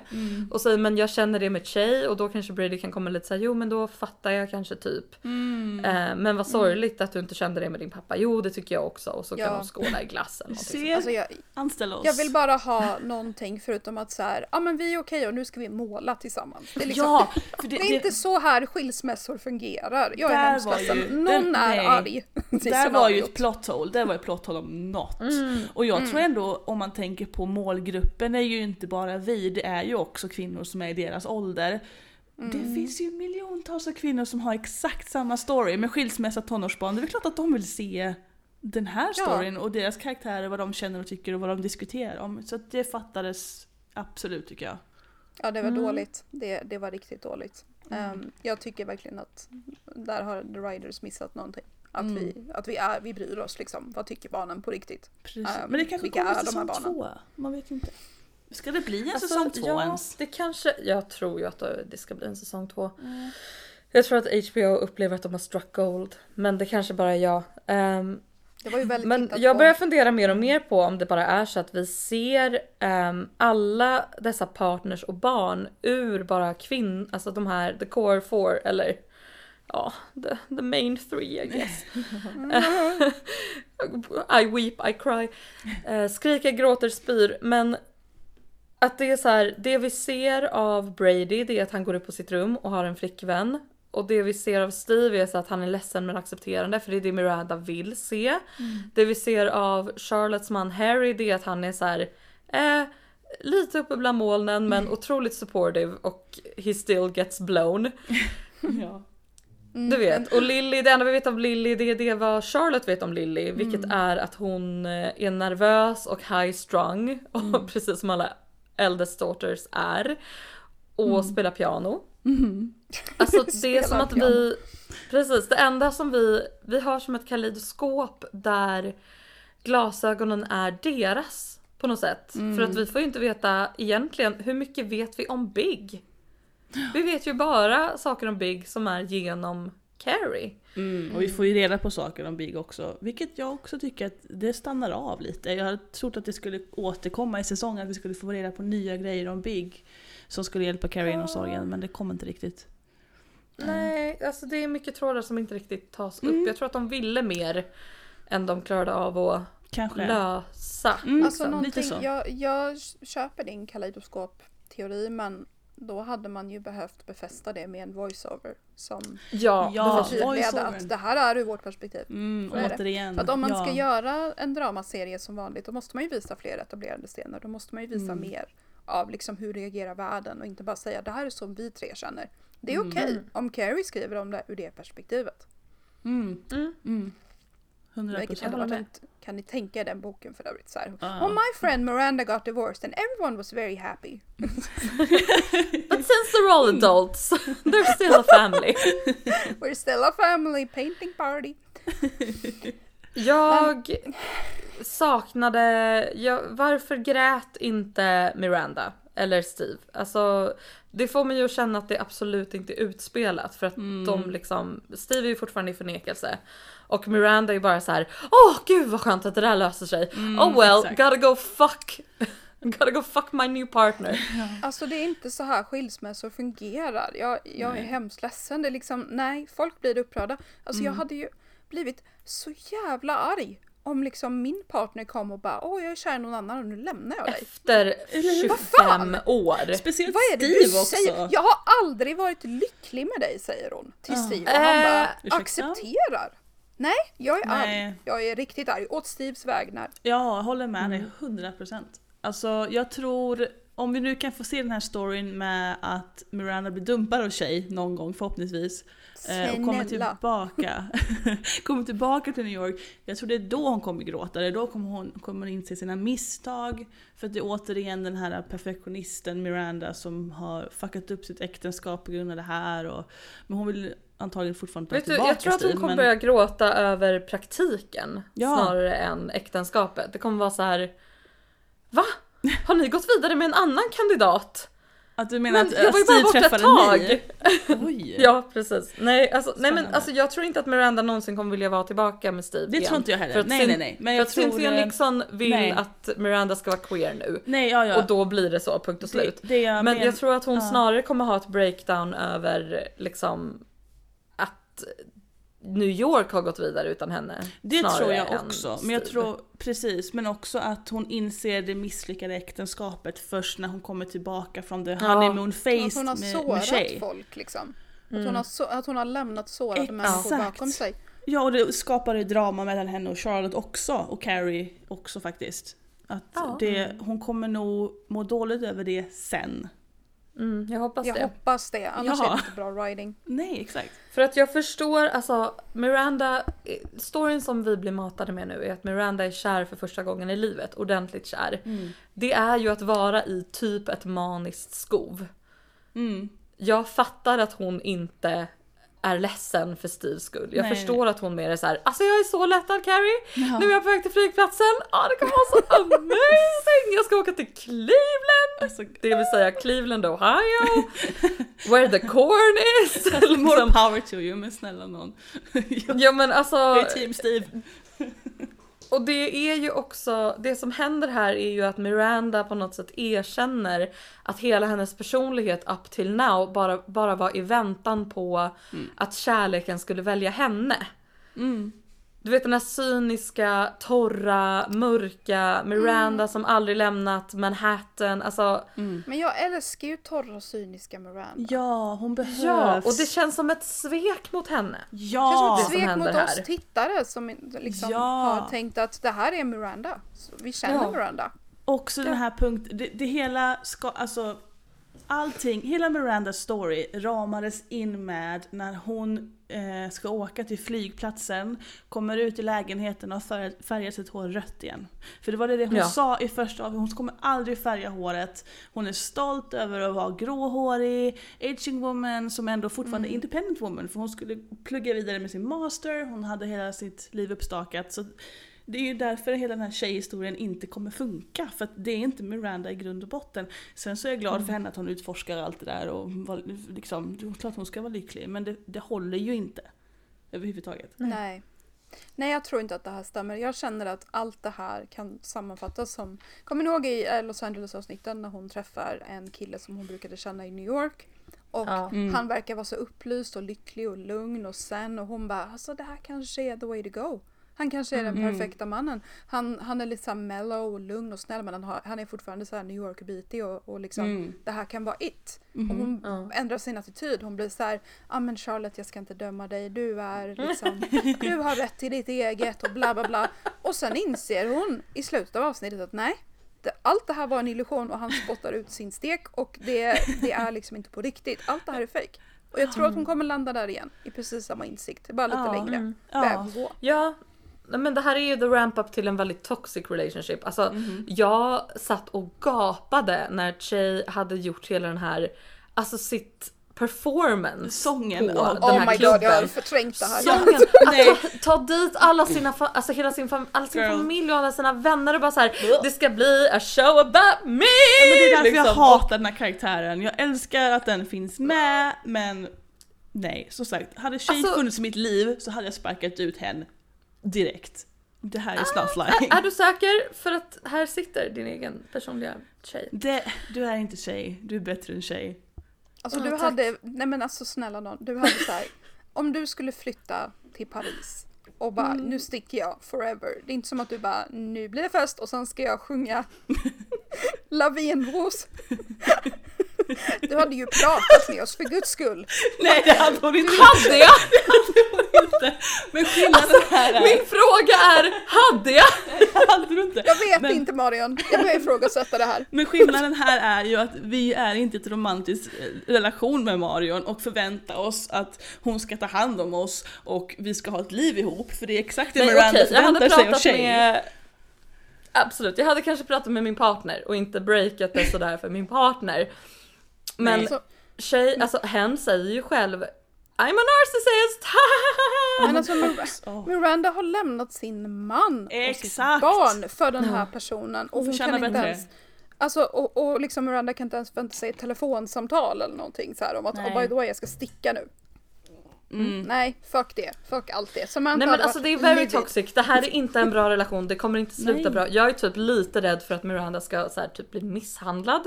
För att det är en narcissist som nej. har kärleksbombat henne och som är så här, Alltså jag tror inte det kommer vara så mörkt för jag tror inte att serien blir så mörk. Även när Big dog så var det väldigt liksom. Jag tror inte... Kom igen ha- säsong hade- två. Hade tjej varit en fuckboy kille, absolut. Men jag tror inte, tjej känns inte som den karaktären som skulle vara violent De kommer inte sättet. låta Nej. tjej... Nej men vet du vad tjej kanske gör däremot? Får Miranda att börja dricka igen. Det tror jag definitivt.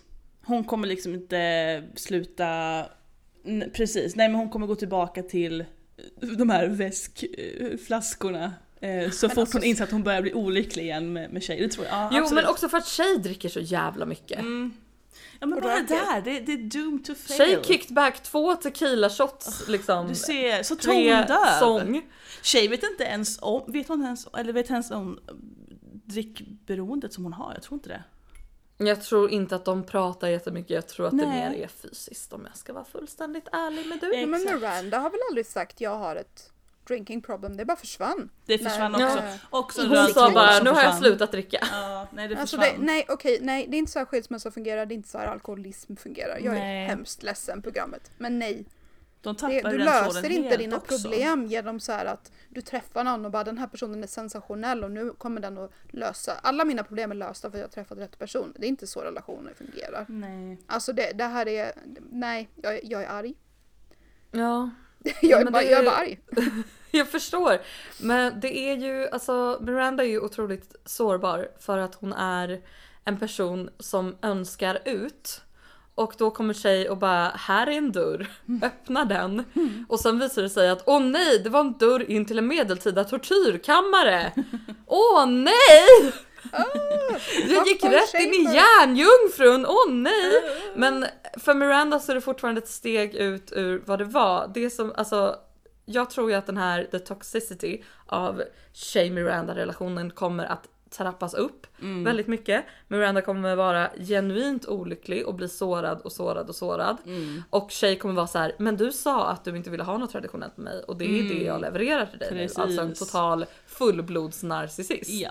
Allt jag önskar är ju att Miranda ska inse att så här, ett inte traditionellt förhållande betyder liksom inte att så här, ja men jag vill inte ha ett förhållande där man äter glass och kollar på TV utan att det betyder någonting helt annat. Ja. För det är så jag fick känslan att Miranda tolkade det som Shay sa. Jag tror att Miranda kommer få en ganska ordentlig kalldusch i ansiktet för att eh, jag tror att Shay är en av de personerna som inte riktigt har förstått att ett icke-traditionellt förhållande kräver mer kommunikation, inte mindre. Så bra sagt. Man måste bena ut Inte saker ännu mer och det är det Ja. alla dessa fuckboys inte förstår att Nej. om du vill ha någonting som inte är som man brukar göra då måste du lägga the groundwork för det jättemycket. Jag tänkte att vi skulle prata lite grann innan, för nu har vi knällt Ja. om Miranda känner jag. Ja. Vi, ska pra- vi måste prata lite om Samantha, eller snarare avsaknaden av Samantha. Samantha. Vi har ju gjort det genom programmet, men alltså Mm. vad har vi för, för tankar om de inspel som Samantha gör genom Ja. att inte vara där?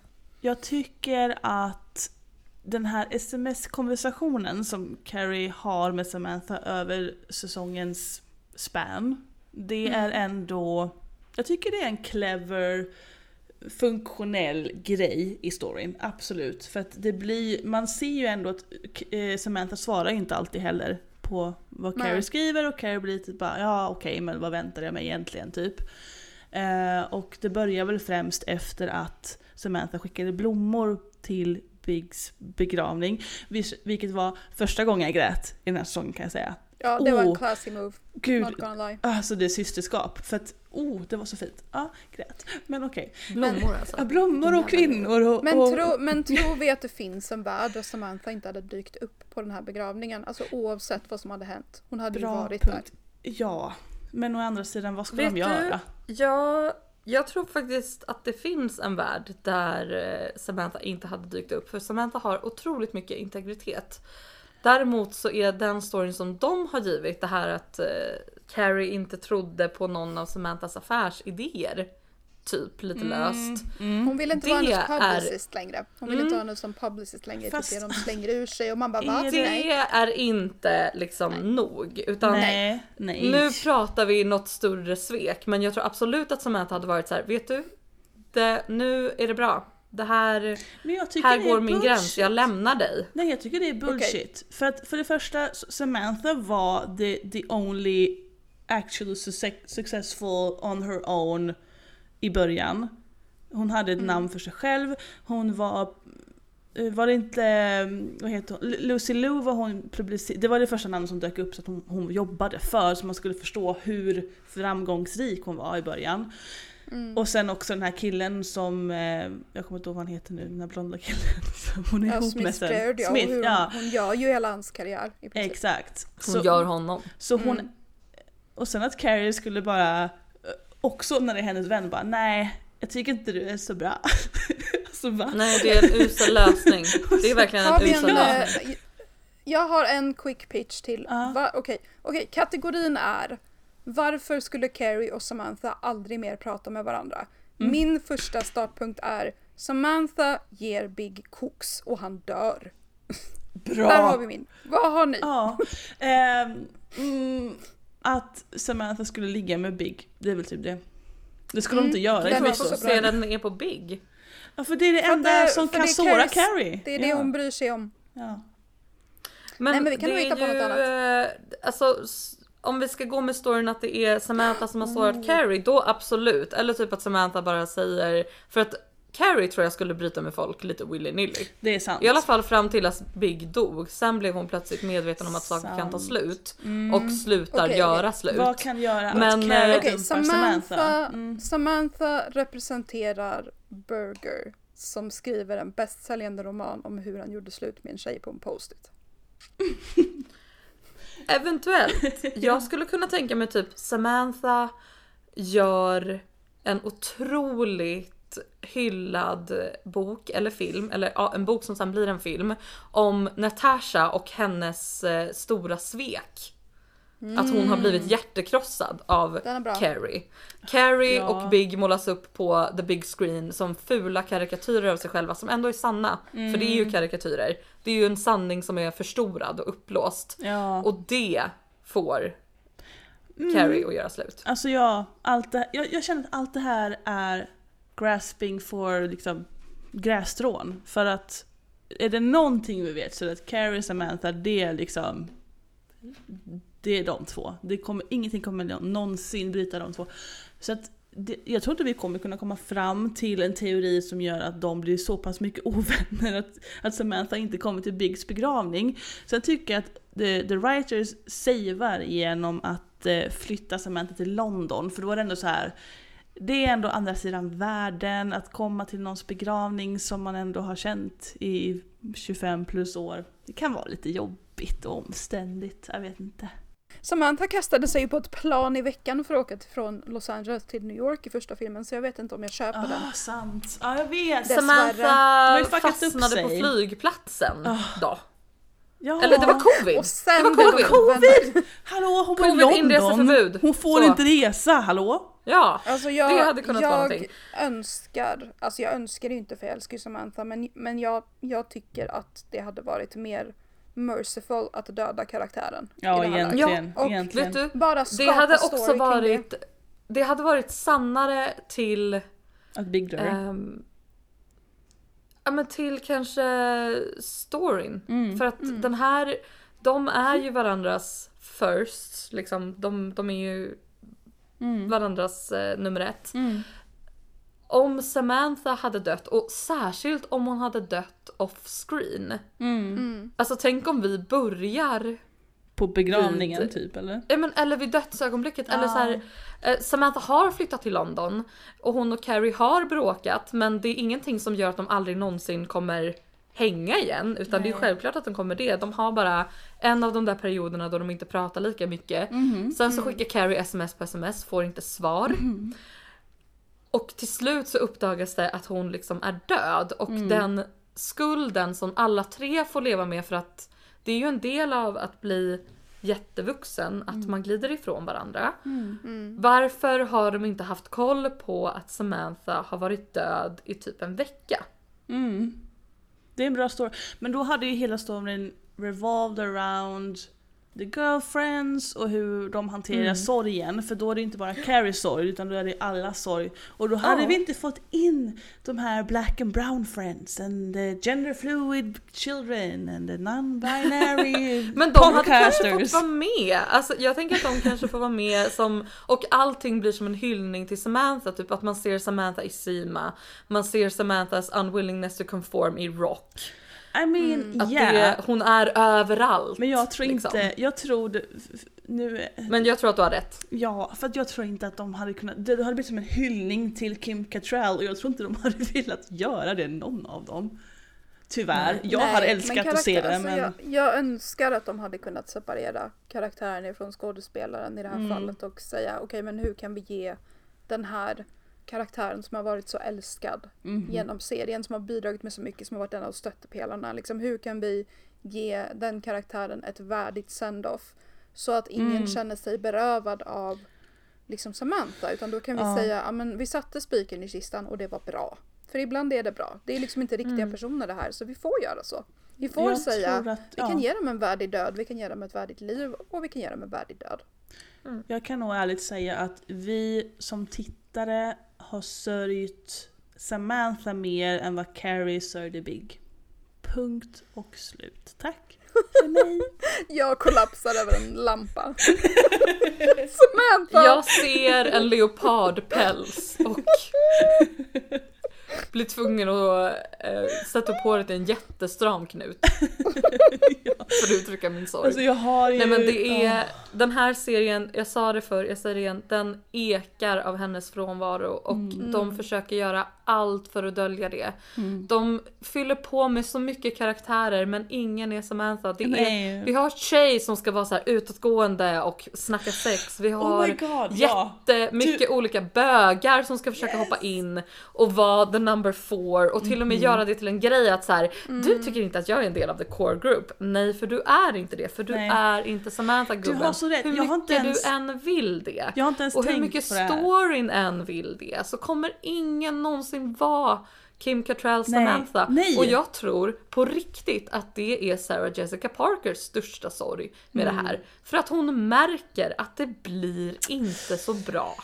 Ja. som det kunde ha varit. Och det är därför jag tror att det inte Nej. finns en säsong två, men jag hoppas. Men det, det är så sant som du säger Mara, för jag har inte tänkt på det här förut. För jag har hela tiden sett, när jag har sett säsongen nu, att Sima är the Indian Samantha basically, för att hon är den framgångsrika tjejkompisen till Carrie som hjälper henne när hon har det jobbigt och hon är också singel och det här.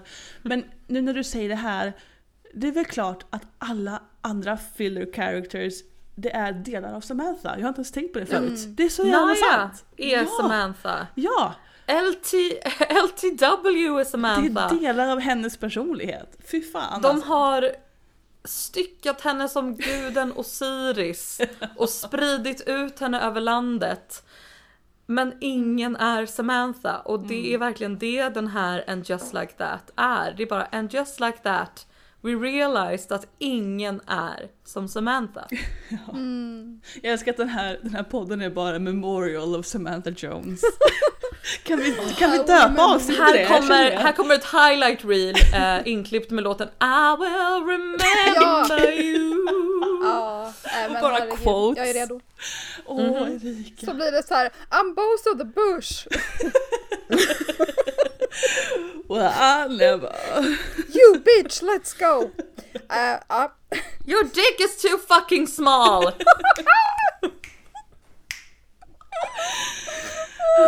Åh gud. Ja, jag skulle till och med ta tillbaka Alltså, jag tar vilken Samantha som helst. Ge mig Samantha från Sex and the City 2 som skriker I have sex och kastar kondomer omkring sig. Ja, allt är förlåtet Samantha Jones. Ja, men det är väl också, alltså, and just like that we all accepted the second movie of the Sex and the City because Kim Cattrall was in it, Samantha was still alive. well. Eller hur? Ja, det var ju en härlig epilog. Eh, Jag, jag tänkte vi kanske skulle avrunda med, och jag tänkte fråga er vad ni hade för, för vi ska sluta på en positiv note Ja. den här gången kanske. Vad, hade ni, vad var det bästa med den här säsongen tyckte ni? Um, får jag börja? Ja, Jag... Jag tycker ändå, för nu är jag väldigt biased Charlotte, för jag älskar Charlotte och jag har förstått att jag är väldigt mycket Charlotte. Men det bästa med den här säsongen tycker jag är ändå, även ifall det fanns flaws i hennes character arc, jag tycker om och jag blev så rörd över hennes relation till Rock, hennes barn. Som hela den här resan som Charlotte gör, alltså från första säsongerna och in i filmerna att hon är den här konservativa karaktären. Hon liksom questioned bisexuality om ni kommer ihåg det, vilket är liksom Ja men vi kan ju cancella så många avsnitt, det vet vi redan. Men alltså att hon går från det moment! till att hon, hon är en så fin mamma och jag tycker det, det, jag kanske bara är en 30-plussare nu men jag, jag tycker det är så fint. Hur hon, nej men jag blir bara så rörd över hennes realization och att hon älskar sina barn över allt annat och att de ändå, jag tyckte det var ett bra sätt att få in the gender fluid story i, character, eh, i Charlottes character story så. Jag, jag gillar det. Det tyckte jag faktiskt var bäst med säsongen. Mm. Mario? Ja. ehm, jag tyckte faktiskt att den bästa scenen nu blir det. Nu blir det grunt. Nu är det flat tallrik. Nu är det tesked av Kör emotional hårt. whiff. Mm, det är när Carrie står, alltså jag kommer börja gråta igen. Gör Det är när Carrie är i Paris och står på bron och eh, tömmer ut Biggs aska. Ehm, dels för att eh, Sarah Jessica Parker kan absolut carry a scene. Mm. Jag Sant. var invested i att se henne stå där med sin Eiffeltornet-väska och liksom hälla ut Big. hur, hur den här Alltså PS, den här väskan måste slängas. Nej men hon kommer ju aldrig slänga den. Ja, men du måste slänga den, det är aska i den. Det, nej. Mm. Girl. Den här väskan som säkert kostade så här 80 000 kronor. Har ett litet, en litet fettig avlagring av människoaska. Det är väldigt Carrie. Det är Carrie. Carrie som står på bron i den här knallgula klänningen. All casual like just pouring her husband in the sun. Like a spread from Vogue. Nej men alltså, jag, Jag grät så mycket så jag vet inte. För att det är, det är inte bara otroligt estetiskt. Det är inte bara otroligt att vara så här. Jag såg i en dröm att jag skulle åka till Paris för att me. Utan också för att det är så. Det känns som ett sånt erkännande över vad den relationen var. Vilket är att den började egentligen för dem i Paris. Det var då de först var någorlunda jämlika. Mm. När han plötsligt liksom erkände, kan man väl kanske säga, Just det. Mm. att han också ville ha henne. Ja. Att hon erkänner det som början av deras relation, att det är deras bro. Alltså det är, Ah, Ja, det är fint. Och allting, allting upp dit egentligen bara hade varit ett förspel till det som är den riktiga relationen. Alltså vad är det med mig idag? Är det första gången Morgan gråter i podden? Jag gråter i podden. Nu Jag är inte tillbaka. ensam längre, jag är inte ensam. Är vi truly back. Nej men det var bara, ehm, då, jag, eh, Det är fint. producenterna gick in för att ta mig och de tog mig hårdare än tjej tog Miranda i köket. Wow. Så. Oh. Så var det. Ja. Du då Erika? Ja, men jag... jag tänkte säga tjejs stand-up special och så här skrämma er, men nej, absolut inte. Um, ja, alltså det som gjorde mig gladast med den här säsongen överlag ska väl ändå sägas att för att alltså nu har vi ju bashat den i typ en och en halv timme nästan. Yes. Och det, det jag ändå vill säga är att jag är jäkligt glad att bara ha liksom, mina tjejer tillbaka på tv-rutan som sitter och snackar med varandra över en bunch. Och att de gör det ett par gånger. Och när de sitter där runt det där bordet, det finns liksom en viss, en viss magi i det på något vis. Det är så här, där, där är de. Och även om Samantha fattas så liksom de scenerna de, de påminner om ändå hur, hur glad jag är att vi har mer att se och hur, hur glad jag är att liksom, jag vill se storyn fortsätta. Jag bryr mig inte om Shay och Miranda gifter sig och adopterar liksom. Alltså det, det kan hända vad som helst. Jag är bara glad att ha det här. Och jag är glad över att ha mina tjejer runt bordet som sitter och snackar och fäller dåliga pans. Det tycker jag var nice. Ja, och så fint avslut. Nu gråter jag. apropå hörni, apropå tre tjejer runt inte ett bord. Eh, Runt Med tre dåliga pans. Ja. oh my god, det är vi. Som, Woke moment. Jag tror att det kanske är därför du tycker det är så fint. Åh gud, jag har inte ens Ja, tänkt på det. Alltså stay Klipp tuned när in de poddar Chase, I'm a tillsammans. narcissist! Stay tuned nästa säsong när de poddar tillsammans alla tre och så är det full circle. Ja, ehm, det... Absolut. Jag har en enda bubblare kvar och det Kör. är den här. Är inte stand-up som format bara ute? inte det bara dött? Jo. Visst är det är snubbkultur. Och det är så Ja. tråkigt att tjejer inte, Gary och icke-binärt inte kommit in i det ordentligt va? Nej men de har ju det men det är, alltså tjejer är inte så roliga Sanne. Det är väl det Jag som skulle, är. alltså, De skulle jag kan vilja- inte dra skämt. Nej. Men alltså ingenting av det tjejer gör på scen är ju stand-up. Det är ju bara så här: I'm amazing! I love Mm. my allies! You be you! Stay strong! Man bara, Vad är the jokes? Det är Where are the jokes? Where are they? Ja, nej, Mm, nej. det är 100% bara virtue signaling. Alltså, jag sa det inte på skämt. Tjejer är inte roliga. Det i helt sant, det är helt sant. Ja. Jag De är för tycker upptagna med att vara tjej på scen. vi har Bo Burnham, han kan ändå kvalificera som tjej i våra Alltså, ögon. nej, nu, mm, inte i min podd. Du kommer in i mitt hus. Nej okej, On the day of my tjejer runt bordet med dåliga pans. är inte han en liksom How, fuck, Girl how by fucking honor. dare you? Ja men I'm sorry. It's okay. Det är audacity, det är unmitigated gal. Apropå Att kalla det, Bo Burnham, Berätta Erika.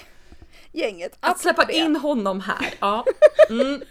Nej men nu, nu känner jag ändå här att det Ska en vara värt att ta upp en brevbomb. grej. Vi tar dig.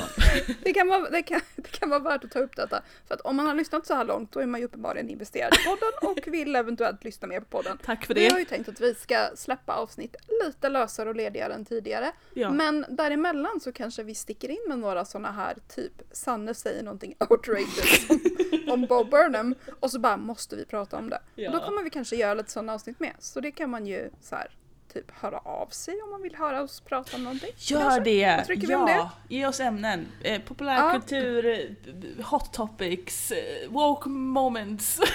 Give it to us. Ja men visst, och då kan, då kan ju ni fortsätta det här bråket som jag kan absolut ingenting om.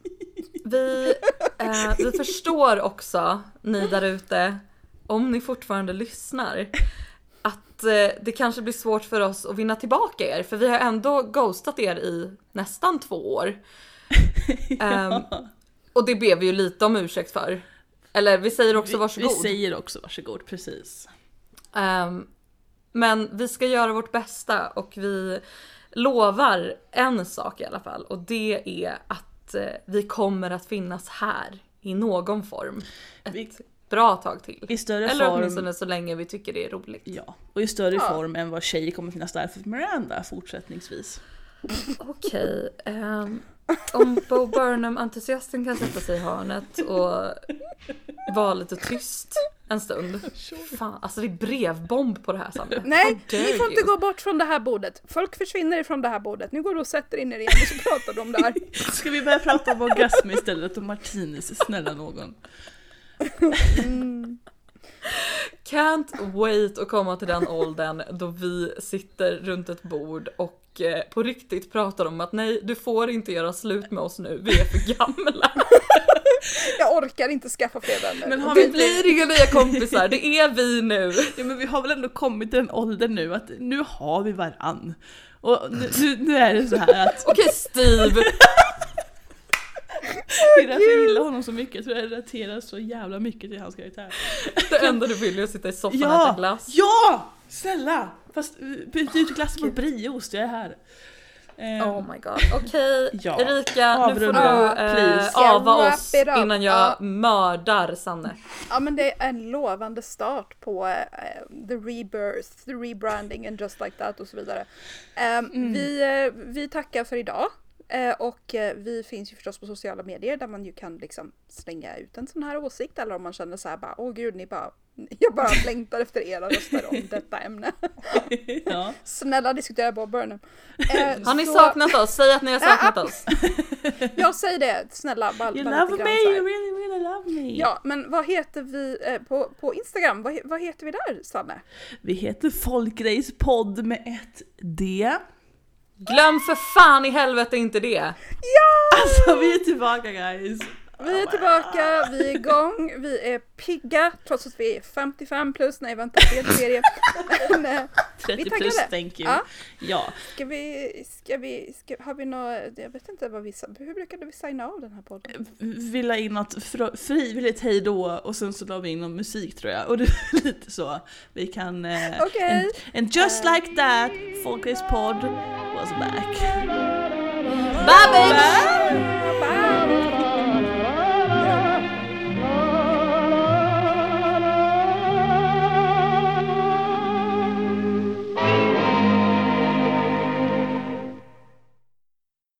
Woke moment.